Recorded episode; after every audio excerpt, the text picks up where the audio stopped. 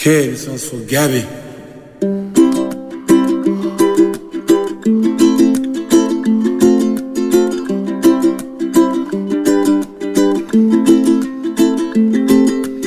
íntimament, amb Maria López.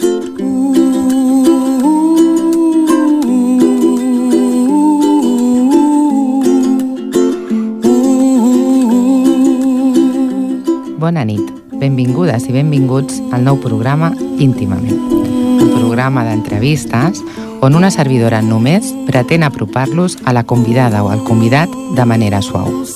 Avui tenim amb nosaltres a l'Andreu Mata,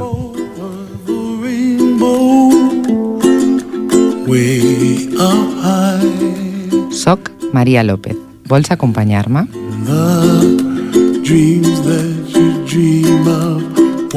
Comença íntimament.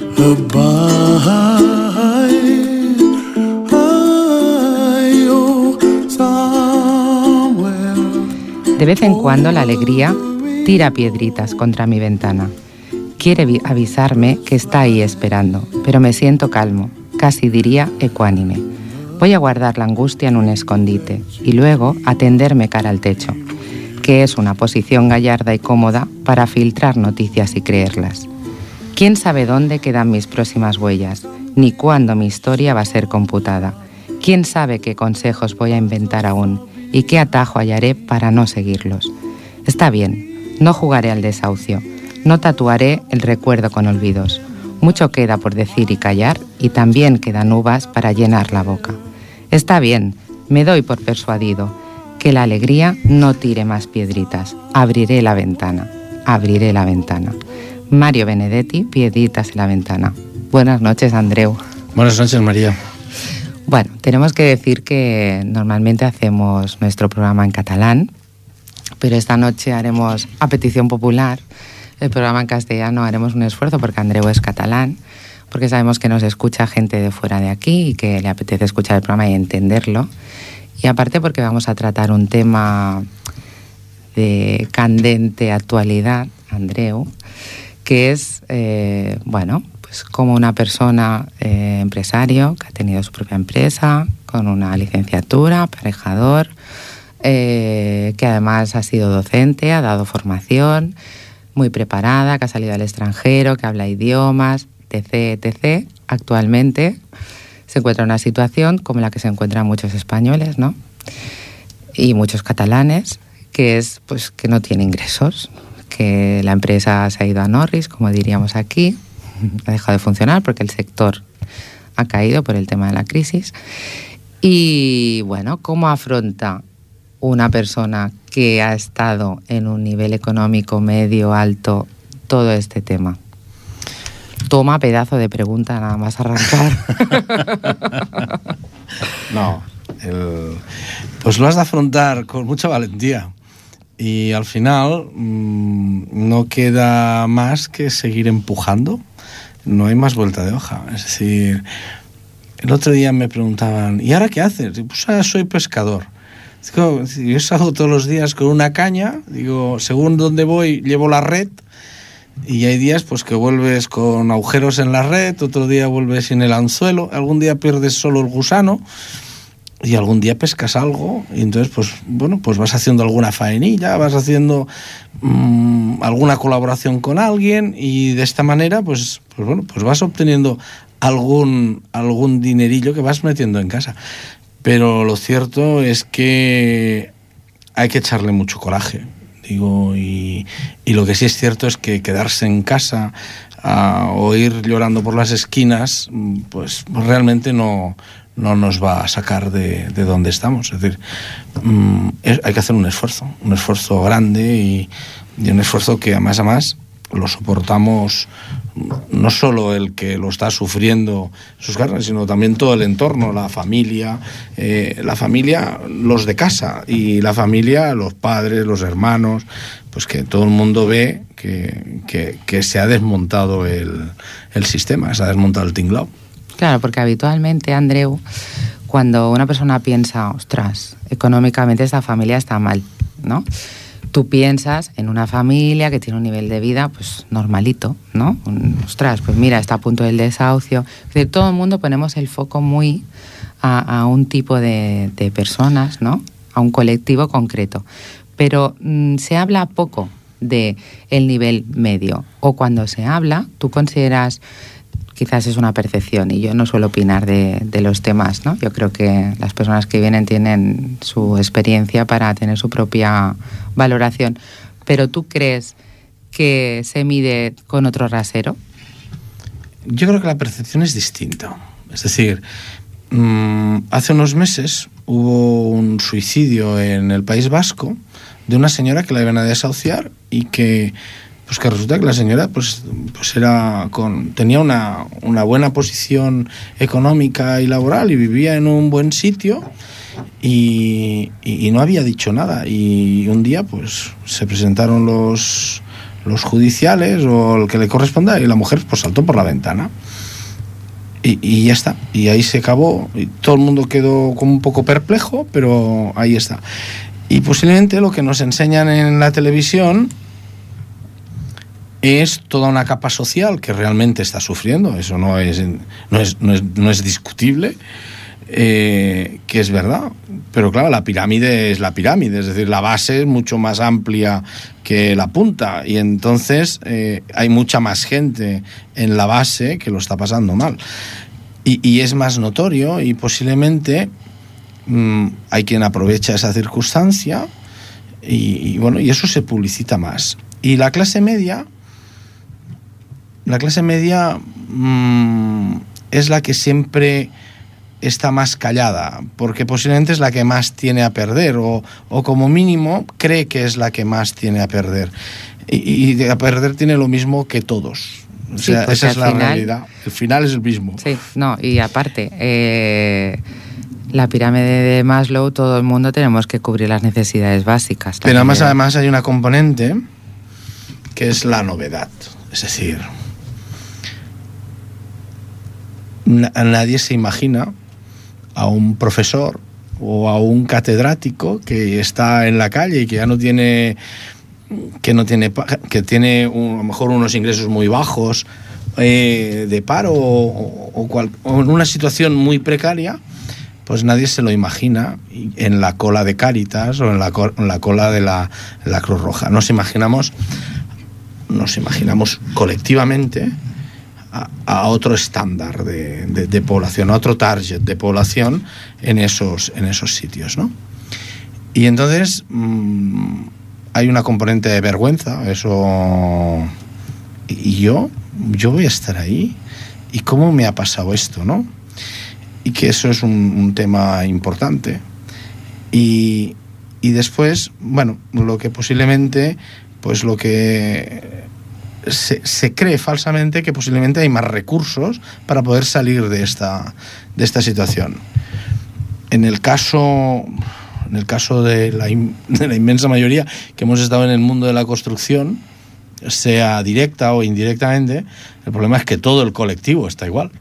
Es decir, mm, yo no puedo ir a un compañero y decirle, oye, porque es que al final terminaremos los dos llorando. Es decir, están en la misma situación, ¿no? Es decir, o, muchos están. Y los que quedan están cogidos con pinzas, ¿no? Como diríamos mm, así de una manera muy, muy llana. Es decir, mm, al final pues terminas supliendo pues con la familia eh, y los que hemos tenido pues la suerte de vivir mm, en función de nuestras necesidades y sin tirar cohetes, bueno, pues estamos viviendo o hemos vivido estos últimos años pues administrando los ahorros y diciendo, bueno, pues si consigo ingresar seis, eh, pues ya no tengo que sacar seis de, del ahorro, ¿no? Y, reduciendo y reduciendo y reduciendo. Y tal. Es cierto que hay una capa, una capa de la sociedad que, que no tiene ahorros y otros pues que han vivido bien o- o muy bien, ¿no? Entonces, pues no han hecho cojín tampoco. Y entonces, bueno, pues, pues ahí hay, hay problemas y, y grandes, ¿no? Que no quiere decir que los demás también los, los, los tengamos. No, es que lo que no queremos es comparar. O sea, nosotros aquí esta noche no, ¿No queremos, queremos? que no queremos comparar Ah. y decir es peor que o No. tal. es una situación diferente, pero que también se está produciendo. Sí.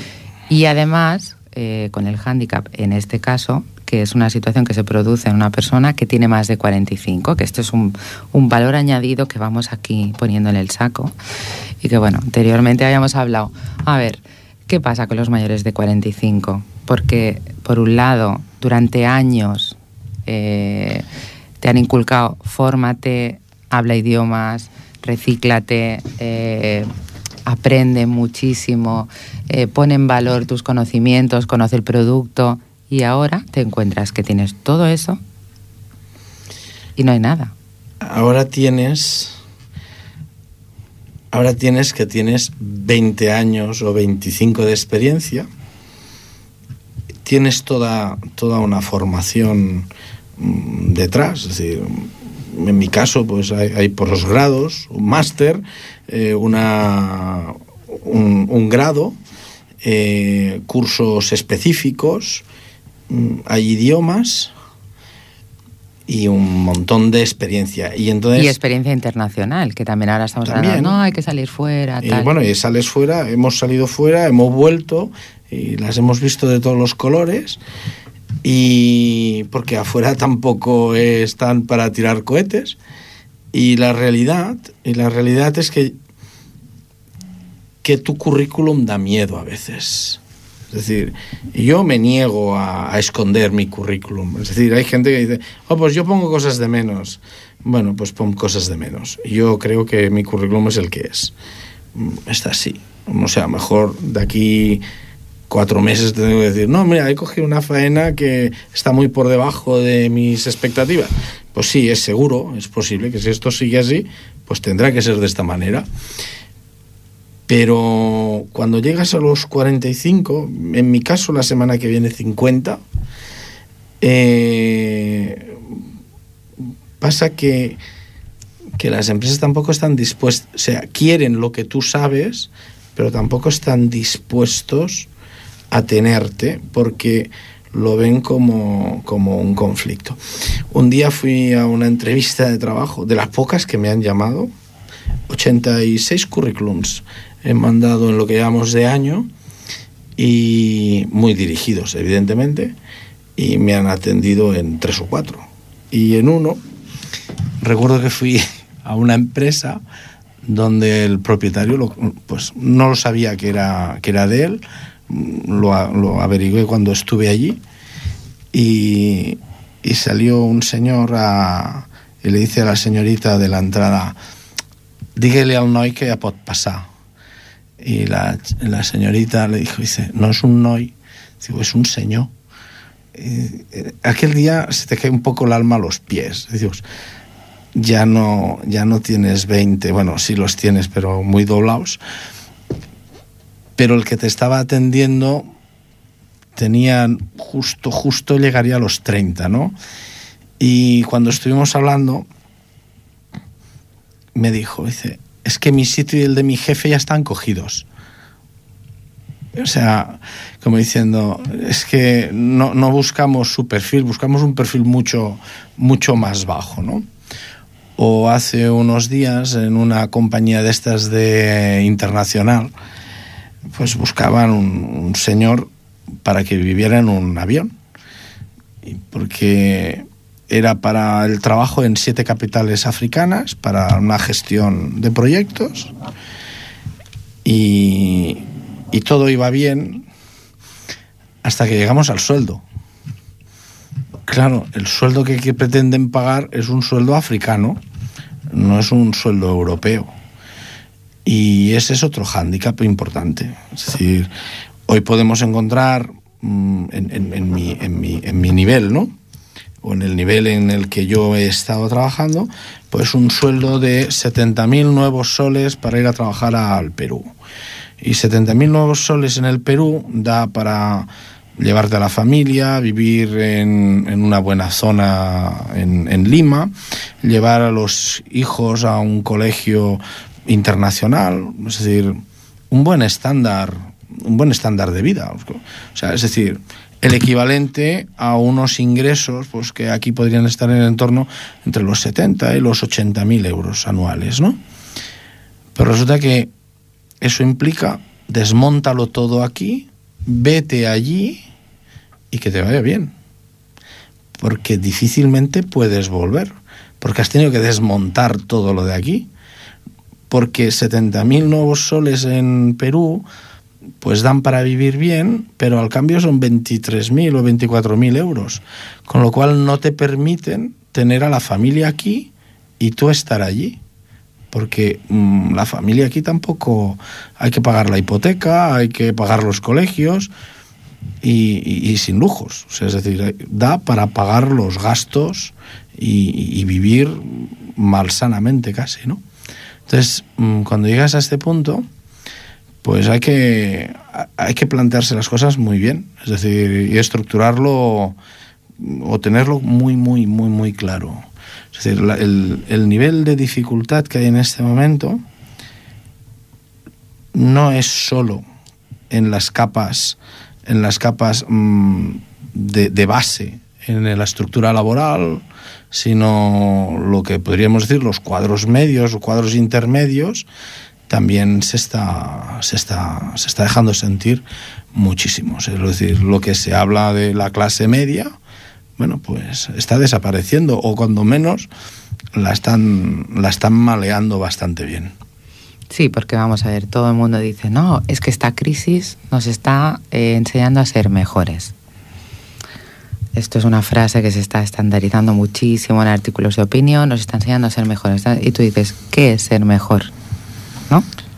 Bueno, la crisis, a ver, el que, el que vivía con poco, pues sigue viviendo con poco. Y, yo lo digo en mi caso, el que no hacía números, pues ahora somos licenciados en matemáticas, porque hacemos una de números increíbles y para llegar a final de mes. Es decir, porque hemos llegado al punto en que hemos tenido que reducirlo todo, ¿no? Es decir, mmm, toda la sociedad la inmensa mayoría de la sociedad y pues terminamos comprando todos en el mismo sitio al mismo precio. Porque no somos distintos los unos que los otros. Es decir, mmm, oh, es que mi jefe, bueno, pues tu jefe es que ahora está sufriendo igual que sufres tú. Así de claro. Eh, y lo único que vamos a sacar de bueno es que vamos a tener que ser, aprenderemos a ser un poco más cautos o, o más, no sé cómo decirlo. Nosotros que hemos estado en Alemania lo hemos visto. Los alemanes son más prudentes con el dinero, no lo gastan. Y, y aquí pues tendremos que aprender a no gastar el dinero, es decir, a entender que el dinero eh, tiene un valor en sí bastante importante, ¿no? Y, y eso pues, pues, se ve en, en, muchas cosas, es decir. Entonces, bueno, mmm, tenemos, que, tenemos que apretarnos el cinturón, eso es evidente, pero realmente lo que aprenderemos de esta es que cuando uno vaya a darse, como decía aquel de la serie, un homenaje, nos damos un homenaje diciendo, vamos a hacer un extra. Bueno, pues el día que vayas a hacer un extra, mm, sabrás que más es un de extra. uno, sí, sí, más de uno dirá, mmm, pues aquí, no, va, ¿por qué no ir, lo hacemos sí. la semana que viene, no? Mm.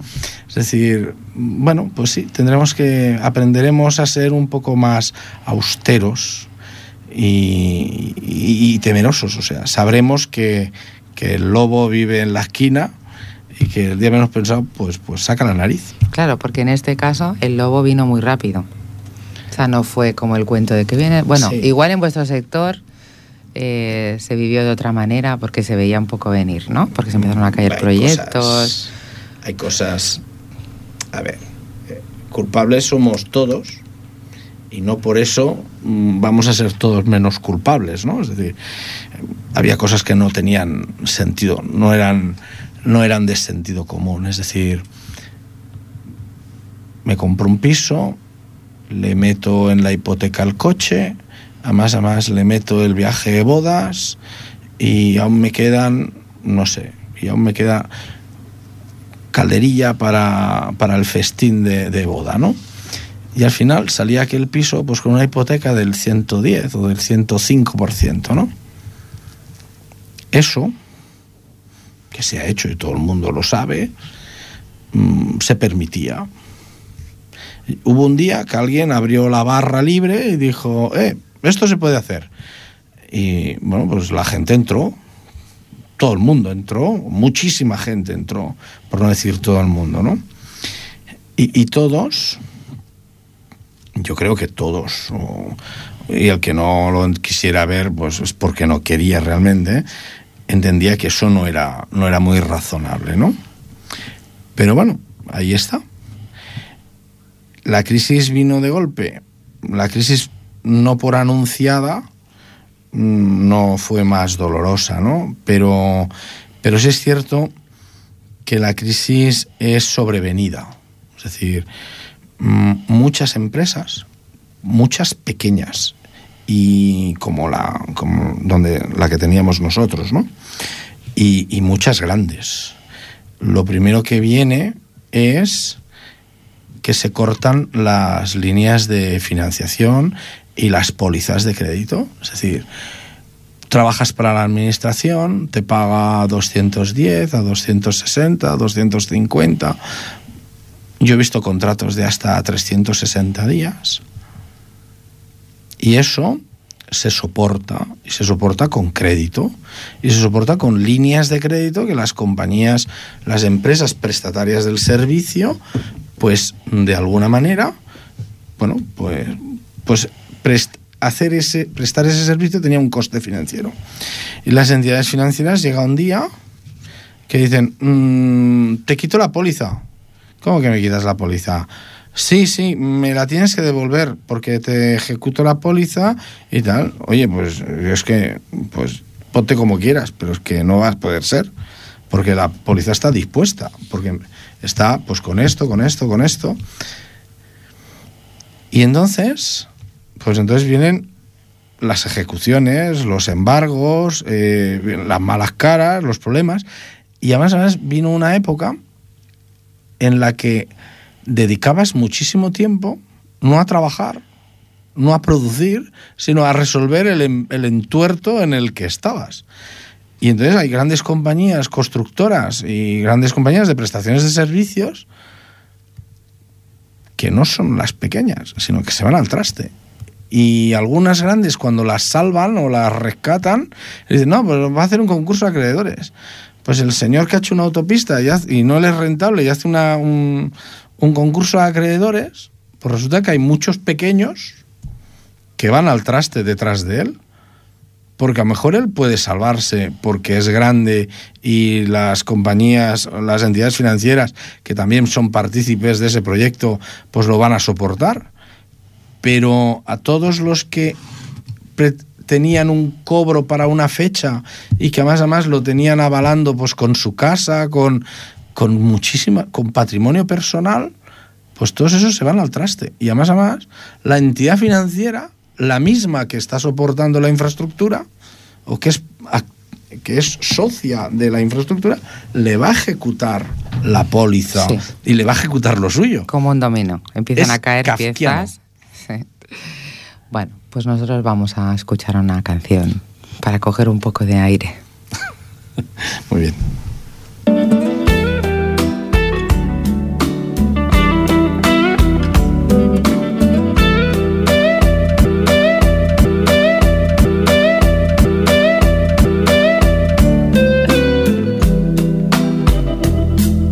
De sobra sabes que eres la primera, que no miento si juro que daría por ti la vida entera, por ti la vida entera.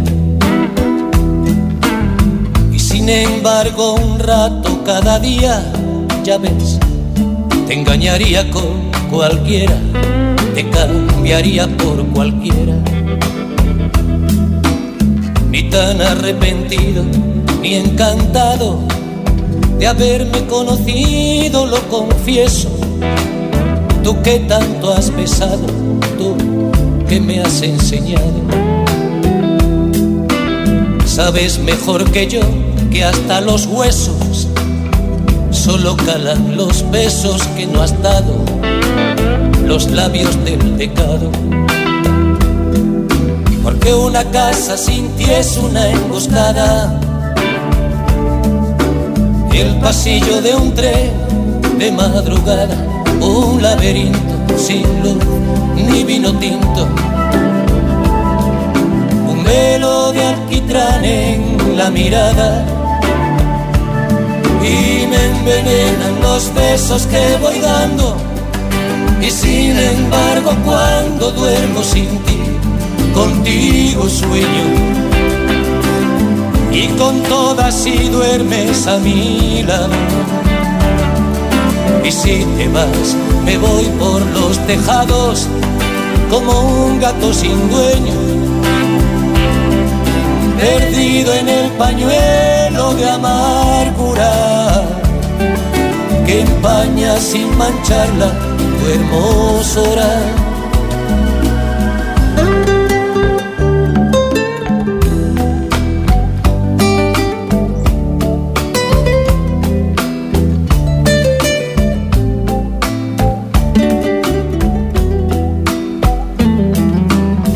No debería contarlo y sin embargo, cuando pido la llave de un hotel y a medianoche encargo un buen champán francés y cena con velitas para dos, siempre es con otra amor, nunca contigo, bien sabes lo que digo. Porque una casa sin ti es una oficina. Un teléfono ardiendo en la cabina, una palmera en el museo de cera, un éxodo de oscuras golondrinas y me envenenan los besos que voy dando. Y sin embargo cuando duermo sin ti, contigo sueño y con todas si duermes a mi lado. Y si te vas, me voy por los tejados como un gato sin dueño, perdido en el pañuelo de amargura que empaña sin mancharla tu hermosura. Cuando vuelves hay fiesta en la cocina y bailes sin orquesta y ramos de rosas con espinas. Pero dos no es igual que uno más uno. Y el lunes al café del desayuno vuelve la guerra fría. Y al cielo de tu boca el purgatorio. Y al dormitorio el pan de cada dia i m'envenenen los... Esteu escoltant íntimament. Andreu, eh, el 17 de octubre del 2013, por primera vez, ha habido un congreso en Hospitalet, aquí en Barcelona, el primer congreso de personas paradas mayores de 45 años. Yo cuando leí esta noticia pensé, ostras, eh, han sido cinco asociaciones que se han que han propuesto hacer esto bajo el lema No somos invisibles, el valor de la experiencia. Casualmente son personas todas formadas, lo que estábamos comentando antes. ¿Hay sensación de soledad? No es un problema de sensación de soledad. Es un problema de que hay mucha gente a partir de los 45 años que lo que no tiene claro es mmm, a, dónde va. Es decir, hemos llegado a un punto que es que es lo más lo más yo para mí es lo más traicionero de, de, de, de toda esta de toda esta situación ¿no? es decir a los 45 años a los 50 tú ya tienes que tener tu vida profesional encarada y ya ir haciendo un camino hasta el final y, y además, además con unas ciertas tranquilidades, es decir, pues ya tienes, ya empiezas, o cuando menos ya vislumbras que ya la hipoteca no la tienes o le queda nada por acabar, mmm, que los niños ya son grandes y, y algunos, pues bueno, pues de pequeños tenías unos gastos, pero de grandes son otros. Y en caras, pues universidades, eh, estudios superiores. Eh, de alguna manera vas viendo que, lo tienes todo ordenado y que, y que, llevas un camino, el que hayas escogido o el que hayas podido hacer, es igual, pero que llevas un camino ya trazado y, una velocidad mmm, más o menos constante y, hasta el final. Y resulta pues que esto, pues no, que han quitado el puente. Y han quitado el puente y ¿y ahora cómo paso al otro lado? Claro, porque estamos hablando de un sector además que no tiene visos de recuperación inmediata. No, ni en años. Ni en años. Ni en años. Yo porque no quería precio- ser tan pesimista. No, porque la, la realidad es, el precio es de derribo. Es decir, hoy, hoy me decían, se vende un edificio en Barcelona, frente marítimo, en, a 75.000 euros la unidad. Y digo, anda. Digo, ¿y eso? Dice, no, has de comprar los 200 pisos que hay allí. 200 pisos a 75.000. A- Al kilo, a tanto el kilo. Y lo, bueno, se lo han ofrecido a un par de, de inversionistas extranjeros que vienen y lo compran. Pero es que resulta que el que lo está vendiendo es alguien que lo ha comprado a peso en el FROP y a lo mejor los ha comprado a 50.000. Y dices, bueno, pues mientras el precio de derribo siga ahí y se sigan vendiendo pisos, el stock de pisos, de viviendas o de locales o de lo que sea, a esos precios, ¿cuándo se va a empezar a construir o cuándo se va a empezar a hacer nada aquí? Claro, es que yo esta pregunta te la hacía porque los gurús del tema socioeconómico ahora están hablando que, aparte de hacernos mejores esta crisis, es una oportunidad para cambiar y enfocarnos a nuevas posibilidades a explorar, ¿no? Entonces tú dices, vale, yo estoy formado en un sector, en un ámbito muy concreto que no tiene posibilidad de recuperación inmediata ni a medio plazo, ¿cómo me enfoco hacia otro sector? Bueno, tú me habías comentado fuera de antena, ¿cómo me enfoco yo? ¿Qué tipo de formación ofrecen? ¿Hacia dónde? ¿Qué hago? La verdad es que mm, podemos diferenciar mayores de 45 años de muchas maneras, ¿no? Es decir, un señor que siempre estaba haciendo lo mismo en una oficina durante los últimos 25 años, pues resulta que ese señor sabe hacer eso y, no sabe hacer no sabe hacer nada más pues ese señor costará, costará encontrar un sitio donde colocarlo, ¿no? Un señor, pues no sé, que fuera contable o administrativo y tal, bueno, pues igual, sea el ramo que sea, pues tendrá mejor que, que ajustar algunas cositas del perfil, ¿no? Y, los que somos técnicos, bueno, pues supongo que el, el margen de maniobra es más grande es más grande siempre que no estemos muy especializados en algo. El problema, el problema es que la formación para, para poderte adecuar, ¿dónde está? Es decir, mm, no tenemos ingresos. O hay ingresos realmente paupérrimos. Hay gente con 426 euros o y con 115. Y no Y- y- vamos muy lejos. y eso, y eso en casa no hay ingresos. Para no ir más lejos. Es decir, yo no puedo pagar un máster, ni me puedo pagar una formación.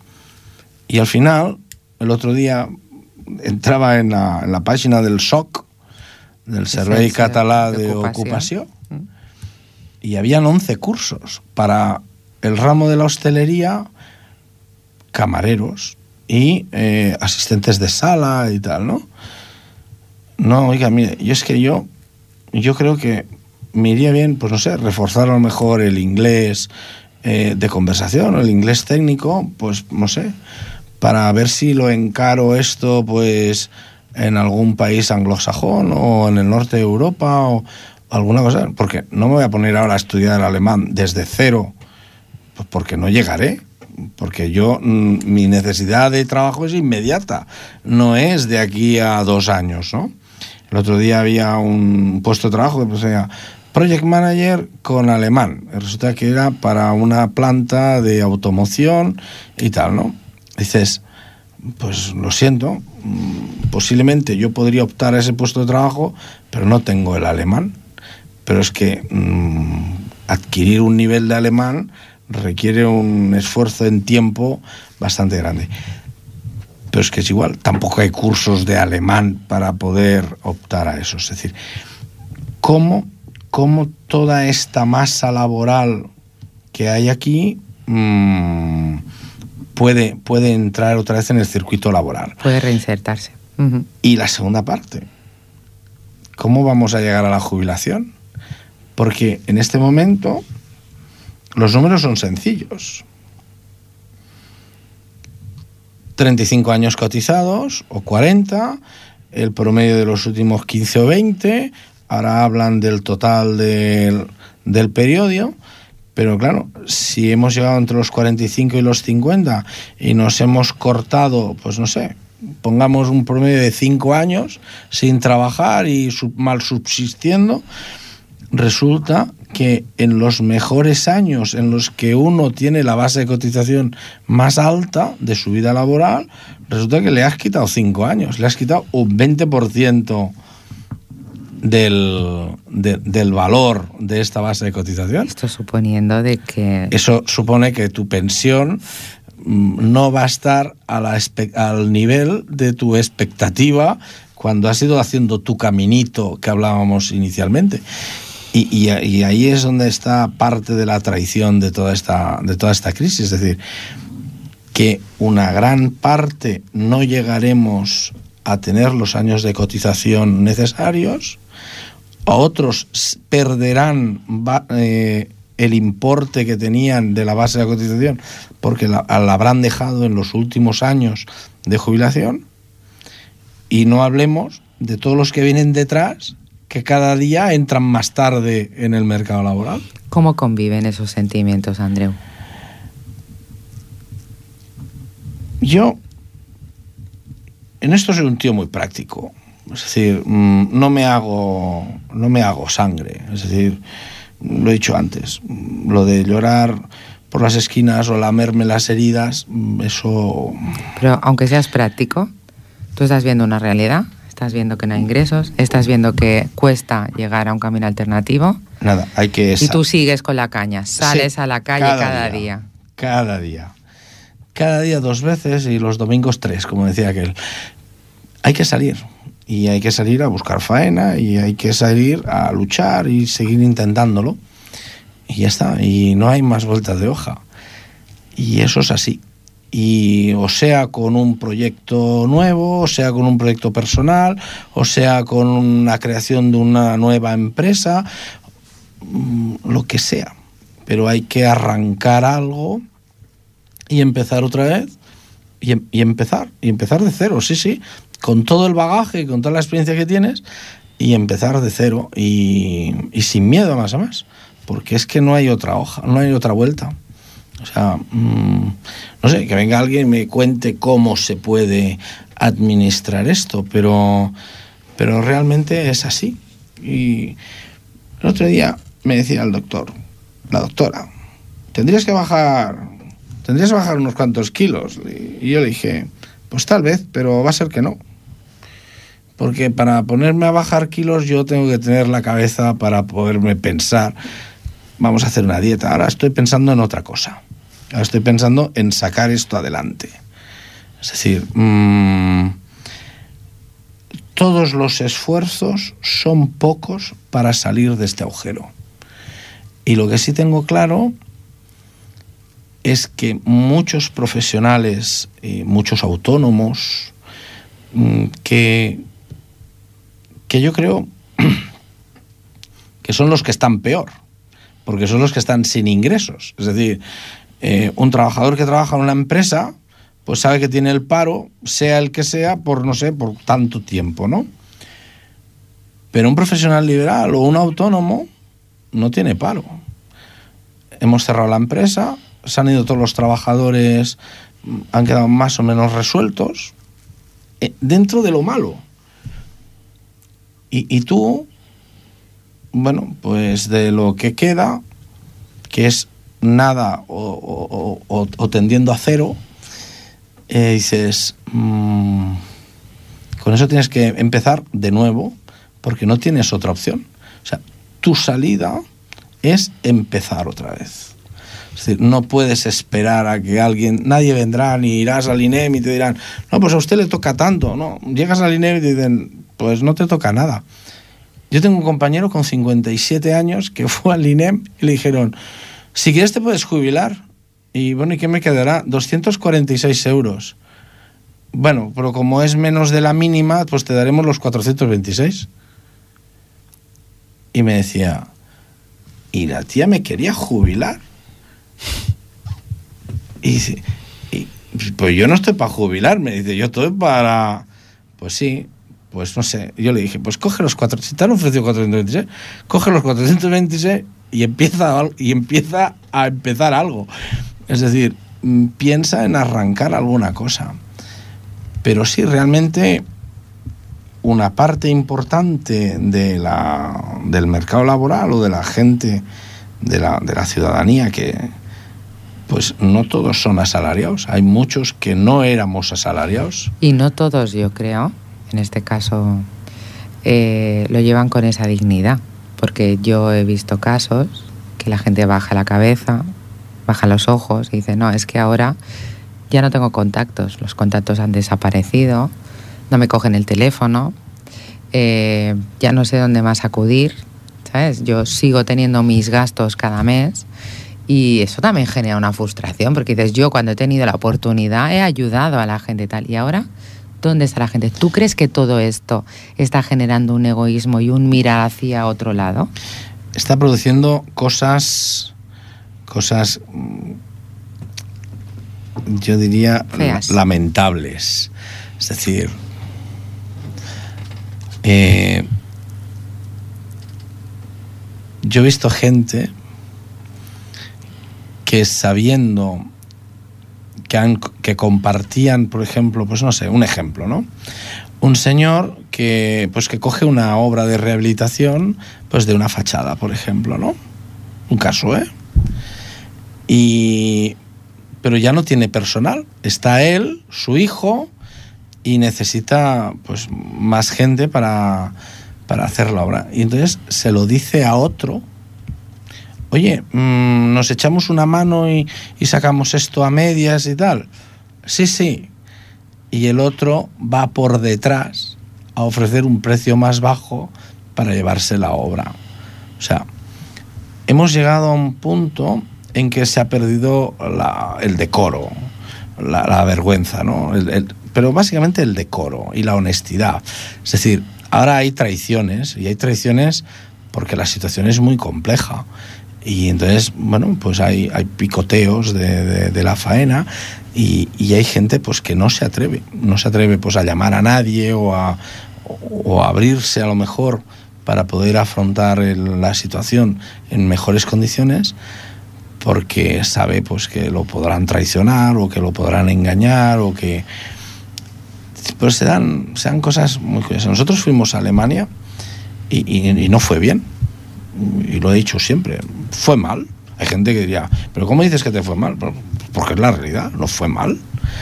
Fuimos allí y, y la suerte que teníamos es que el cobro era mensual y el primer mes no nos pagaron, pues nos volvimos para casa.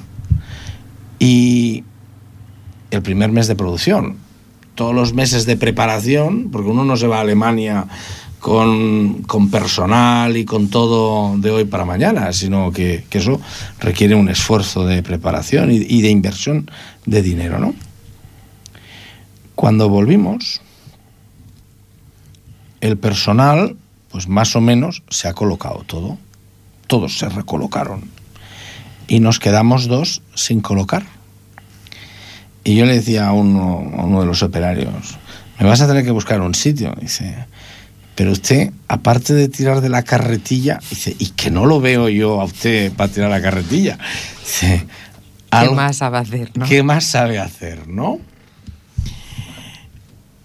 Es realidad, esa es la realidad. Es decir, el, el, el operario, el operario de base, tiene, y no se me malinterprete, tiene algo más de defensa. Porque cuando menos tiene un oficio socialmente es más tangible. Es decir, bueno, pues el que sabe alicatar, pues sabe poner, pues sabe poner baldosines. Pero un aparejador, yo sé cómo se han de poner los baldosines. Pero yo no soy capaz de ponerme 14 metros o 20 metros de baldosines todos los días. Es decir, pues si me pongo y con un poco de. Con un poco, si soy un poco apañado, pues igual pongo dos metros o un metro y medio, ¿no? Es decir, no es mi oficio. Y, y entonces, bueno, pues eh, ese es el otro gran. Ese es el otro gran problema que hay en este momento. Es decir, que hay mucha gente trabajando mm, en B, o, en negro, o en encubierto, como lo queramos decir, y están trabajando por 50 euros al día o, hasta por 40 euros al día. Y van con sus herramientas y van a trabajar y a hacer pues unas pellas y, y a ver lo que sacan, ¿no? Y claro, eso, eso va en detrimento de las empresas o de los autónomos que todavía van manteniendo su cartera de clientes y que no pueden competir. Y que realmente, o sea, es la situación que hay, lo decía antes, es kafkiana. Es decir, yo no le puedo decir a un señor, no aproveches la oportunidad de irte a hacer un cuarto de baño o a irte a hacer, no sé, o a reparar un coche, como decía el otro día. Pues mira, si te vas al chatarrero tal, eh, allí hay unos moritos que, que si les das cuatro chavos, ellos te arreglan el coche porque ya tienen un arreglo con el chatarrero que le coge, la, les vende las piezas y ellos allí mismo te lo reparan, ¿no? Bueno, pues eso está sucediendo. Pero claro, al del taller de la esquina, que paga sus impuestos, paga, paga, paga el personal, tiene la amortización de maquinaria, lo tiene todo, pues a ese le están haciendo un 8. Pero así, de los grandes a más a más. Pero claro, se le está fugando la, la, la clientela. Bueno, pues la crisis está sacando cosas realmente duras y escabrosas y, y, bueno y que no tiene mucha no tiene muchos visos de arreglo no me decían hace unos días en Almería pues que hay inspectores de trabajo que cogen las etiquetas de te pinto el piso por 400 euros y pongo la pintura para que no quedara dudas de que no la ponía y que están llamando a esa gente y los están sancionando. Y digo, pues sí, pues, pues claro, es que es razonable. Pero en el fondo piensas, ¿y en qué lo vas a sancionar? Si a lo mejor es que pinta un piso este mes y no vuelve a pintar otro hasta dentro de un mes y medio. Y se ha llevado 400 euros y tiene que descontar la pintura, no sé qué, y el ir a trabajar y todo, ¿no? Es decir, que por la parte humana piensas es loable, no es excesivamente criticable, pero por la parte económica, social o de estructura, eh, es, es, estas actitudes bueno, pues, pues están perjudicando tenemos que acabar con un final deseado, esperado y soñado, yo creo también en muchos casos. Tú y yo hemos hablado y hemos dicho cómo nos gustaría que fuera de aquí a dos, tres años. Pues lo deseable y, yo creo que además, además si ponemos todos de nuestra parte, en, la medida de lo posible, es que vayamos recuperando el, la situación anterior. Es decir, que volvamos a tener la cierta tranquilidad de decir, sé que van a venir los recibos a final de mes y los voy a poder atender. Eh, sé que voy a estar trabajando y que vamos a estar en el sistema productivo otra vez y, y que todo volverá más o menos a, a, funcionar dentro de un orden.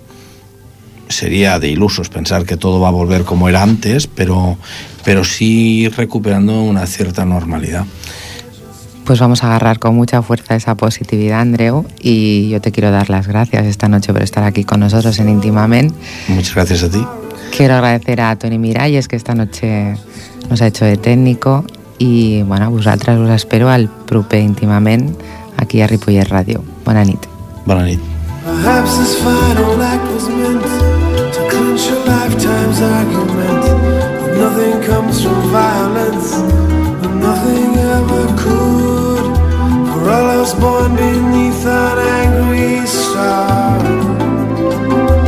we forget how fragile we are. On and on the rain will fall like tears from a star, like tears from a star.